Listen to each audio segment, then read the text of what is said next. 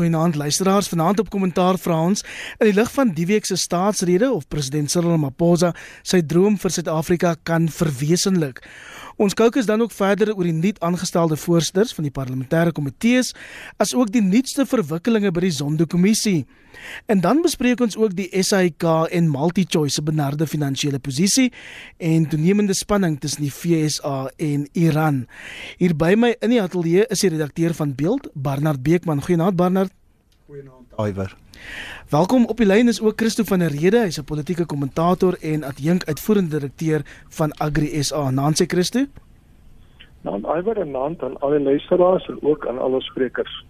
Ons verwelkom ook professor Andrei Dievenage, politieke wetenskaplike verbonde aan die Noordwes Universiteit. Nancy prof. Goeienaand Iwer. Kollegas, ons begin met meneer Ramaphosa se derde staatsrede, sy tweede van jaar en dan ook sy eerste in die nuut verkose 6de administrasie. Hy het sy droom vir die nasie of met die nasie gedeel, uh, maar baie kommentators, lede van die publiek ook, reken dit is uitvoering met die harde werklikhede. Rapport se redakteur Waldemar Pelsers beskryf dit vandag as 'n retrogressiewe klug wat die onmoontlike nastreef. William Saunders en Meyer verwys in die Saturday Star na die president as 'n kersvader met 'n droom sonder 'n plan. En Barnard, ek wonder hoe jy dit ervaar. Jy het in jou voorskou rubriek geskryf Ramaphosa korte kapteinsbeurt met sy staatsrede. Het jy dit gekry? Iwer duidelik nie. Um, Sipho Pitjana die voorsitter van besigheid SA het vir baie goeie kort opsomming. Hy sê die staatsrede het mank gegaan aan 'n krisisbesef. En ek dink uh, Ramaphosa het goed gedoen ook met die rede, soos met sy vorige redes om werklik 'n goeie gevoel waardigheid te bring en 'n gevoel van eenheid.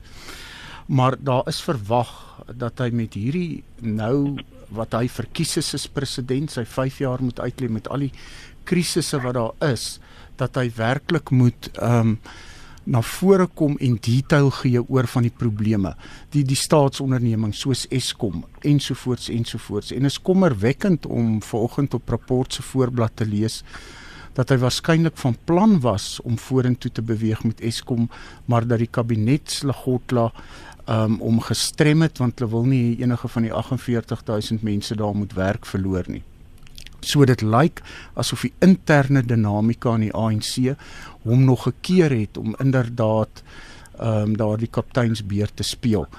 Wat ek ook in die rubriek gesê het en waar ons dalk nou staan is as hy nie werklik gaan uit die wegspringblokke kom nie, uh die Ramaphosa presidentskap dalk maar 'n braa gemiddelde ding kan word en dat ons maar op 'n manier gaan voortploeter. Baie beter is in die Zuma era en dalk sommige winste behaal maar definitief nie die die die nuwe stad wat ons gaan bou nie. Christus die Ramaphosa is duidelik verby. Ek wonder wat jy van die staatsrede gedink het. Het jy iewers 'n konkrete plan op die tafel gesien van die president wat die land kan vorentoe vat? Ek ek is baie positief oor die toespraak. Ek was eintlik verbaas vanoggend toe ek nou Waldemar se kommentaar uh, uh, lees en ek het dit uiters uh, teleurstellend en negatief ervaar. Ek dink dit is nou tyd dat ons uh jy weet pragmaties en rasionele Suid-Afrikaners agter die president uh jy weet uh, agter hom moet skaar en hom uh, moet ondersteun. Ek het seker Vrydag het ek nou 'n analise reeltjie vir reeltjie gaan doen, analise van die hele toespraak gaan doen. En jy weet daar's so 10 temas wat hy deurtrek. Eerstens die besef dat die land in 'n groot ekonomiese krisis is tweedens die eh uh, veranderinge wat eh uh, was oor die wêreld plaasvind met terme van die vierde industriële uh, revolusie as ook klimaatsverandering en dan fokus hy baie sterk op eh uh, investering en die nodigheid daarvan en ook eh uh, dat die staat uh, sy besigheid moet begin eh uh, jou inperk. Ons kan nie aangaan op hierdie trant nie want anders gaan ons skuldpas dit al groter raak. En dan gaan kyk na al die praktiese stappe wat hy uh, opgenoem het. Daar's so 60 stappe of aksies wat hy uh, voorstel in sy toespraak. Dit beteken dat elke departement en elke minister uh het baie baie baie spesifieke opdragte. Dit strek vanaf ekonomiese intervensies op kinderlike intervensies, uh beter gesondheidsdienste aan ons mense. Hy praat ook van die strukturering van herstrukturering van Eskom. Hy praat daarvan 'n hoof restrukturerings uh uh, amptenaar wat hierdie hele proses moet begelei en dan fokus hy baie sterk op al die sektore wat uh gehelp word. En daar's groot ondernemings, jy weet, ons het landbou alleen uh om swart boere aan die gang te kry, praat jy van 3.5 miljard rand. Jy praat van meer as 100 miljard rand uh wat jy wil gee vir uh uh jy weet vir bepaalde uh instellings en dan uh, meer as 800 miljard rand wat hy wil toeken vir stuk uh, infrastruktuurontwikkeling en dan 'n baie sterk fokus op Eskom. So ek ek uh, deel nie pessimisme nie, uh, maar ek is baie bekommerd want hier is 'n klomp ondernemings gegee en hy gaan tot verantwoordelik geroep word as hy nie gestalte gee of inhoud gee aan hierdie ondernemings nie. En dan die groot vraag is waar gaan hy self vandaan kom? Want uh, ons fiskus is werklik daar op die randjie van bankrotskap. Andre by Christo aan te sluit, kom ons kyk na van meneer Ramaphosa se beloftes, soos dat misdaad binne 'n dekade gehalveer sal word, dat internasionale toerisme teen 2030 sal verdubbel, dat staatsgrond vir stedelike behuising en landbou beskikbaar gestel gaan word. Hoe het jy die staatsrede ervaar? Iwer, uh, ek sluit redelik aan by Barnard se perspektief. Die aanbieding stilisties in terme van hoe hy oorgekom het was goed, maar die inhoud van die hele staatsrede was myns insiens 'n kompromis tussen faksies ten opsigte van wat ons kan beskryf as die bevrydingsnarratief of die bevrydingsparadigma polities, ekonomies en sosiaal. En dan wanneer jy kom by die leierskap en strategiese visie wat ek sterker beoordeel in terme van bestuurs en regeringskundige kriteria, moet ek sê, het dit my baie baie bekommerd gelaat. Die positiewe goed wat ek kan identifiseer is sy standpunt oor die Reserwebank, die breë standpunt ten opsigte van die implementering dat daar nie nou meer gepraat moet word nie, maar dat implementering kernbelangrik is. So daai goed is vir my meer na die positiewe kant toe waaroor ek baie bekommerd is. Is die gebrek aan 'n standpunt oor wat gebeur ten opsigte van grondhervorming en dan veral in besonder die wysiging of die nie wysiging van artikel 25 van die grondwet. Ek dink dit is 'n kernaspek wat toegelig moes word wat glad nie gebeur het nie. Dis basies net weggepraat in terme van 'n verslag wat voor die kabinet moet dien en ek dink dit was onvoldoende. Die hele kwessie van Eskom en die krisis van Eskom is baie breed hanteer en dit blyk nou dat daar betaal moet word vanuit staatsgeld vir Eskom en die vraag kan gevra word of dit vanuit pensioenfonde hanteer moet word. Dan 'n ander punt van kommer is hy beklemtoon ekonomiese groei. Maar hoe gaan ons ekonomiese groei kry as ons Eskom nie kry dat hy werk nie plus ander staatsinstellings wat nog nie behoorlik funksioneer nie en om dan as uitkoms te sê ons gaan soveel werk skep terwyl ons weet daar's 10 miljoen werklooses op die oomblik en die kans dat hulle gaan werk kry in die huidige omstandighede is uiters klein, bekommer my geweldig. Verder het ek wat die breë gevoel gehad dat die inhoud van hierdie aanbieding eintlik swakker was as die een wat hy gehanteer het die begin van die jaar. So uiteindelik het ek meer kommer na die toespraak as wat ek gehad het voordat ek begin luister het en ek moet sê as dit gaan uitspeel soos op die oomblik lyk dit gaan uitspeel kan hier 'n klomp maar jare voor ons lê wat ons baie moeilik sal kan hanteer. Barna, die staatsrede het 'n lys van 10 prioriteite, 5 doelwitte gekom. Christo het dit nou vroeër uiteengesit, maar die basis van dit alles is die nasionale ontwikkelingsplan wat ons weet sedert 2012 eintlik net lê in stofvergader het daar in die presidentskap.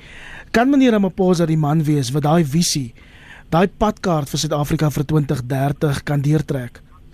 Die uh, nasionale ontwikkelingsplan het al bietjie stof vergader maar as mens weer gaan werk deur die deur die um opsomming daarvan is dit nog steeds baie relevant. Dit is 'n dokument wat nog altyd ook baie hoë internasionale aansien gehad het en dis die taal wat beleggers wil hoor.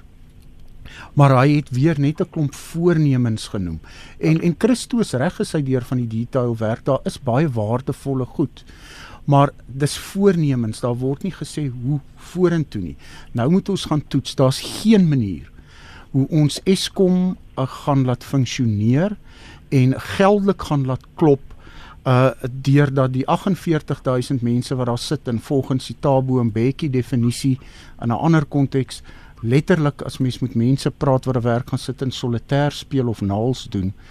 Um dit gaan nie werk nie Die die Eskom sal moet geherstruktureer word drasties en dramaties met heelwat minder werknemers en privaat inisiatief gaan ook moet betrokke raak. En dis die detail wat ons nou moet hoor.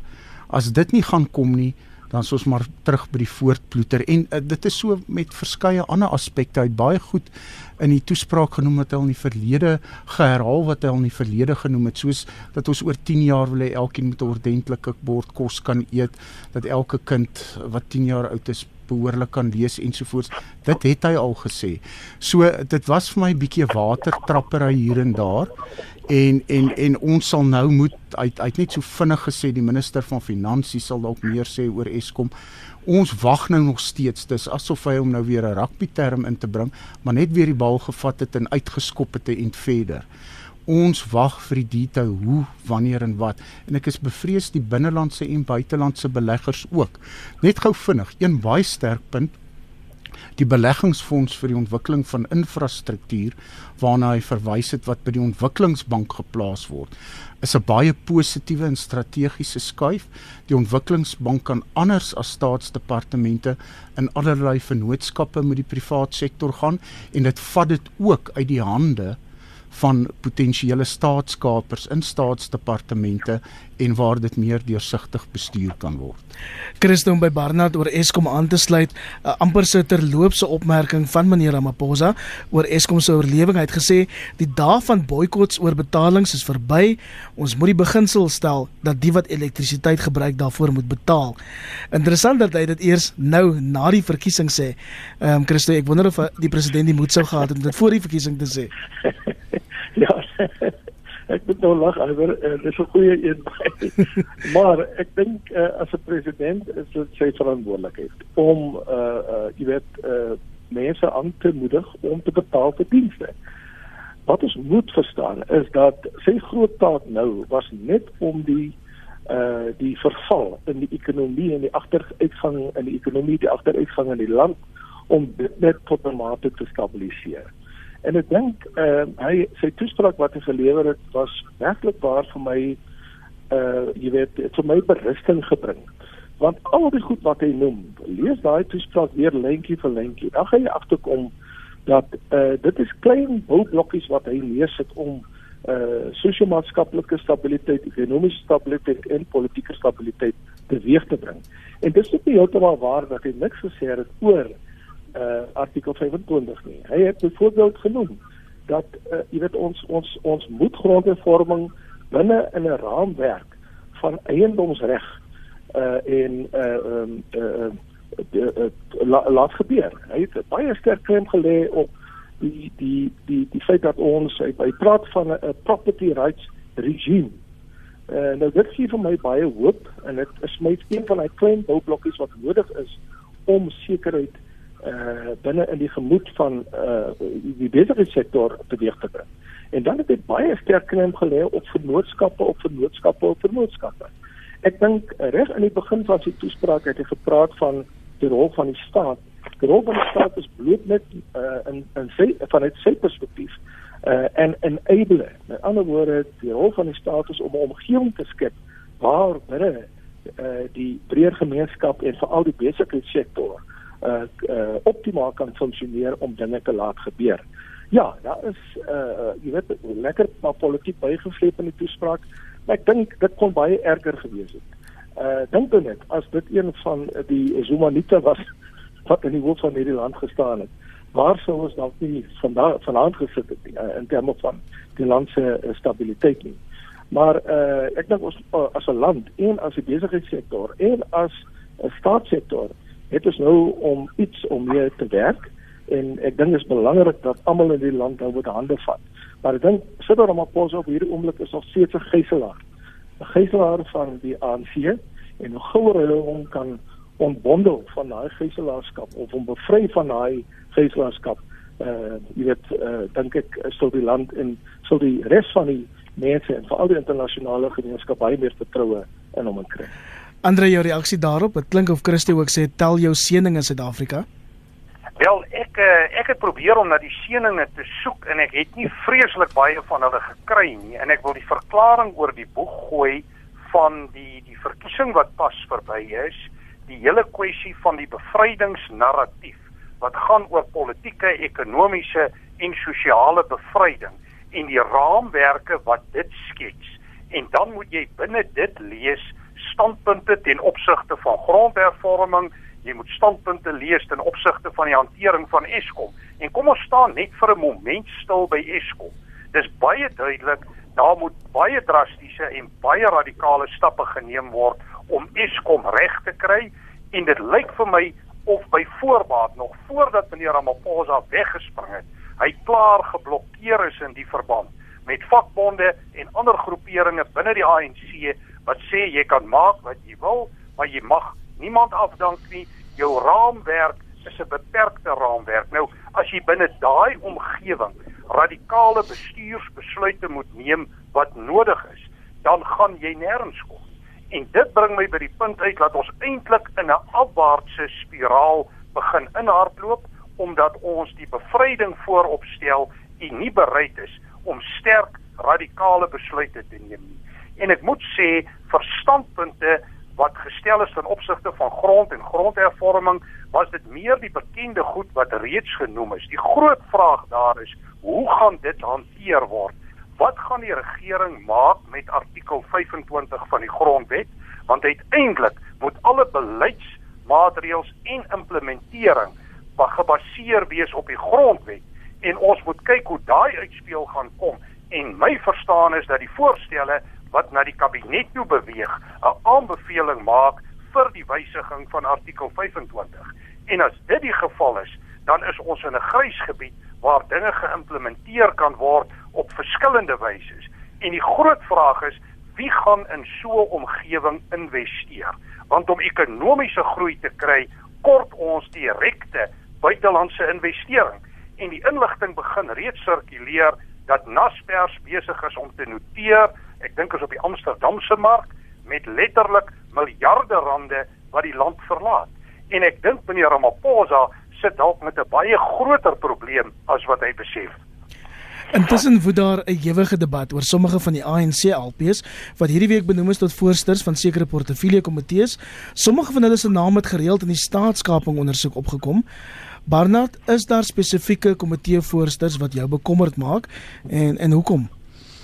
Wel dit was uh, eintlik lag wekkend om vandag te lees. Ek dink dit was in City Press dat daar gesê word maar um, baie van die kom ons noem dit nou maar breedweg in die Ysmagashule kamp word nou ontplooi en hulle gaan nou die ministers gryp en verantwoording doen, laat verantwoording doen en hulle so beet kry en nou um Nomvula Mokonyane was berig daarvoor dat sy as minister haar afgesmeer het aan die komitees destyds byvoorbeeld. Sy's nou uit, maar sy het nie gekom nie. Baie van die ander ministers en en persone uit daardie faksie wou nie saamwerk met die komitees nie en dit was 'n gesukkel om hulle daar te kry.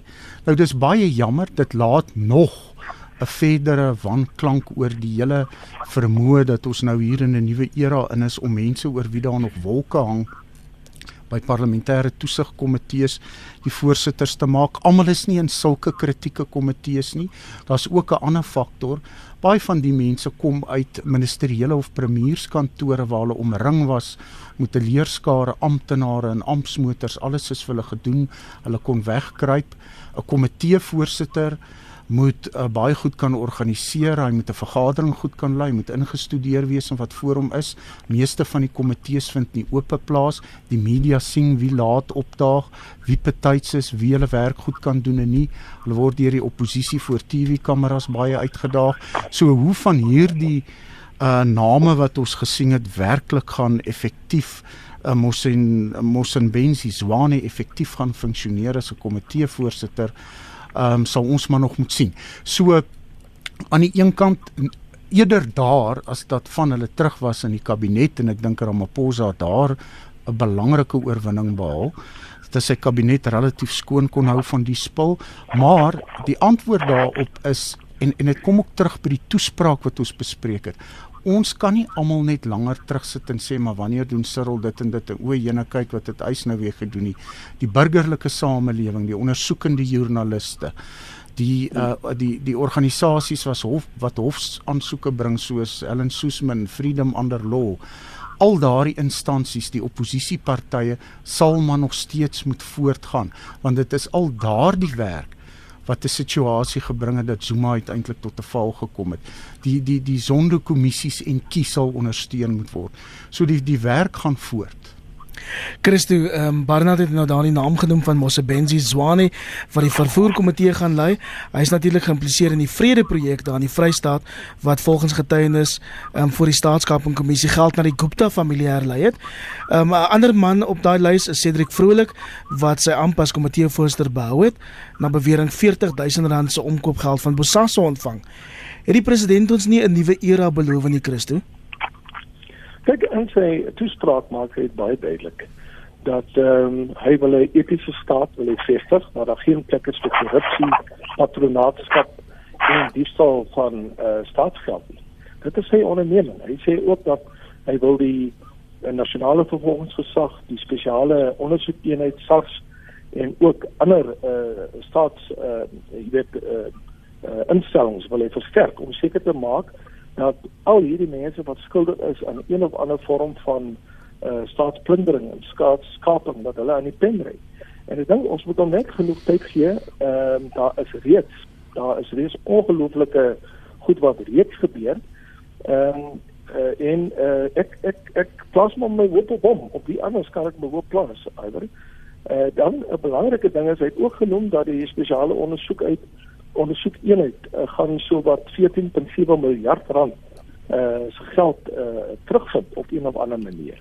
So 'n klomp ondernemings is gegee en al wat ek sê is meneer president, ons uh plaas ons hoop op jou, maar as jy ons kan teleurstel, dink ek uh die Suid-Afrikaanse publiek is is uh regbaar gereed om uh uh op te tree indien uh, dit moet gebeur. Ons sien nou reeds die tekens daarvan in die afgelope verkiesing. Andre selfs Kusatu wat deel is van die ANC se drie-party alliansie is nie met die lys tevrede nie. Is dit veilig om te aanvaar dat die sogenaamde Ys Magashule faksie hierdie ronde gewen het spesifiek met die parlementêre portefeulje komitees? Iwer ja, ek dink die antwoord in kort daarop is ja, hoewel daar 'n hele paar name ook is wat nie heeltemal verbind word tot uh, meneer Magashule se groep nie, maar as ons kyk na name soos Bongo, Mohamopelo, Mutambi, die naam van Msebenzi Tswane is al genoem, dan is dit duidelik. Dit is mense wat eintlik aan die Ysmagashule kant staan en dit is letterlik om 'n klompie wolwe skaapwagter te maak in die verband.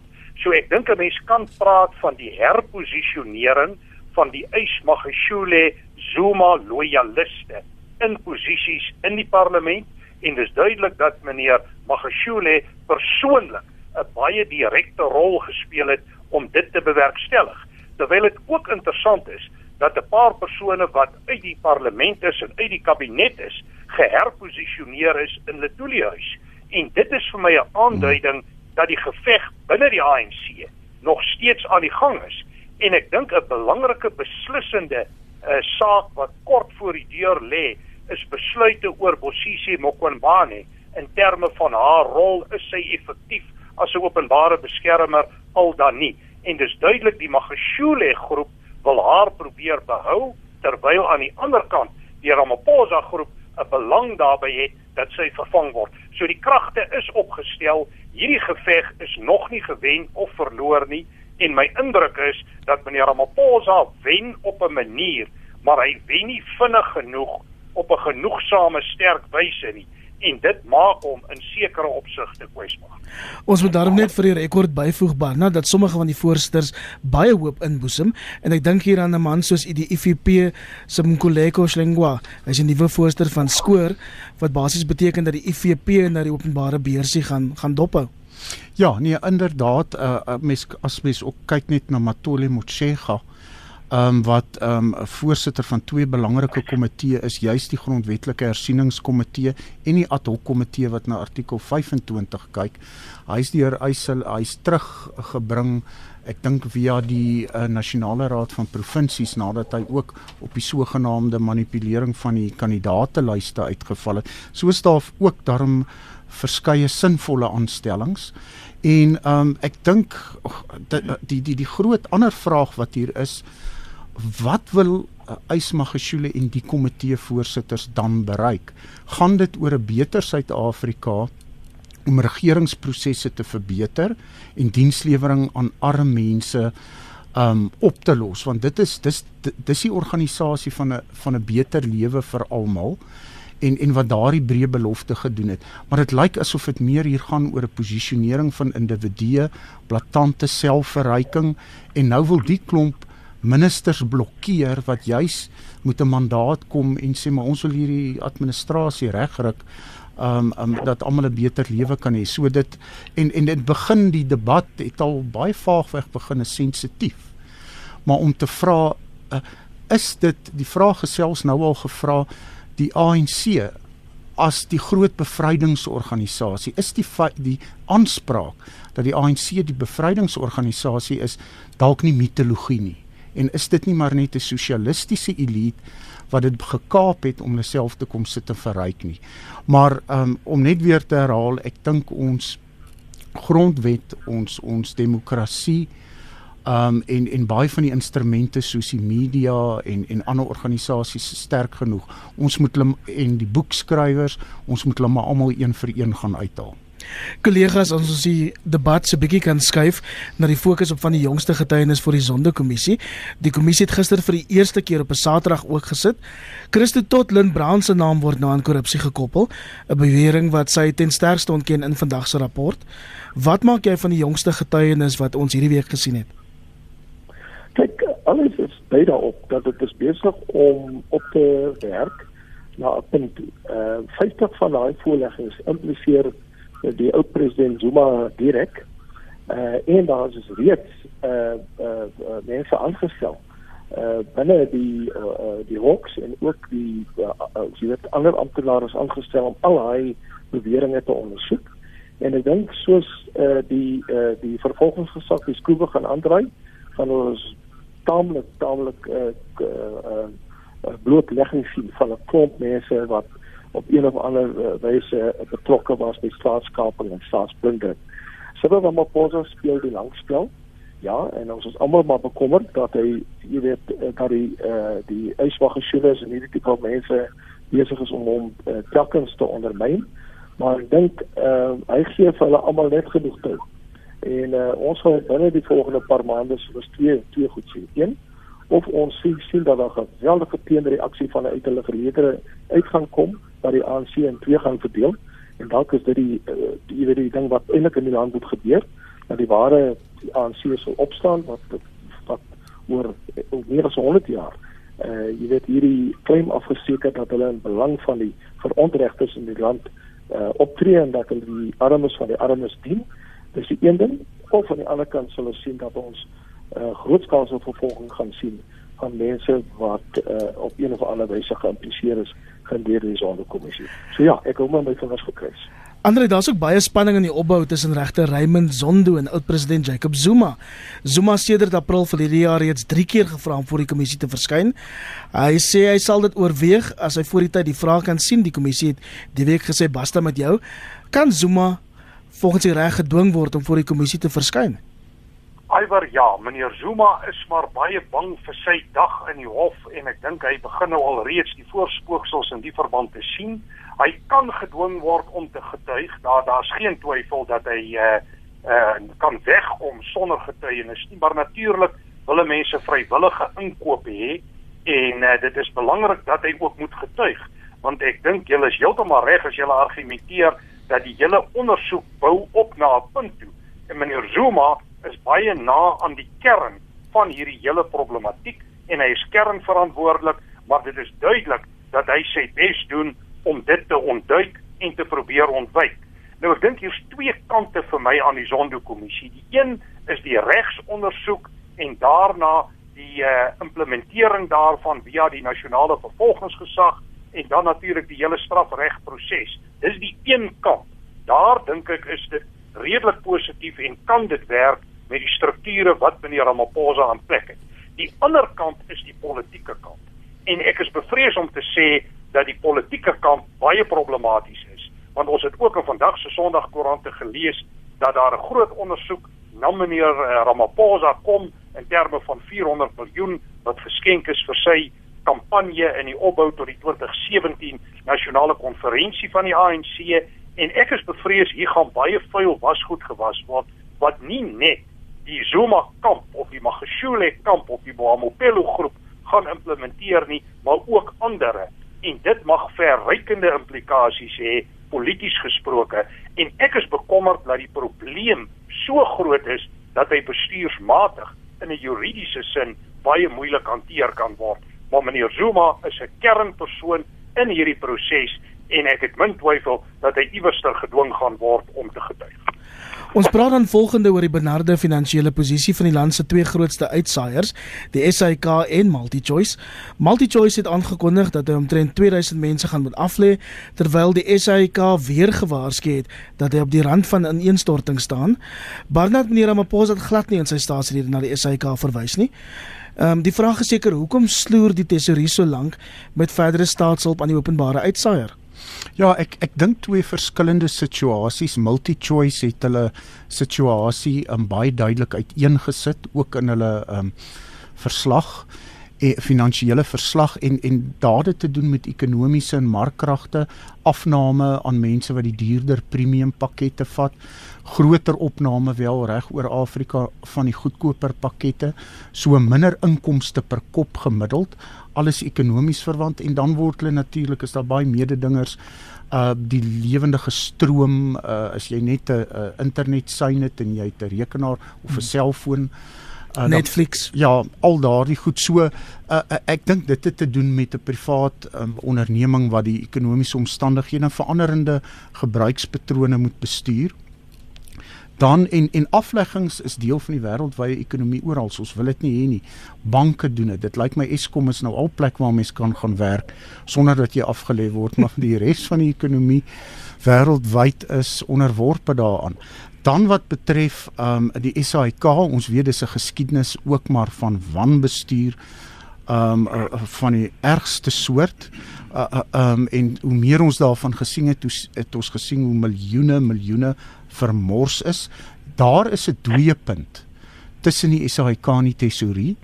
Die tesourie uh, het al um uh, en enkele maande gelede baie teensinnig uitgehelp.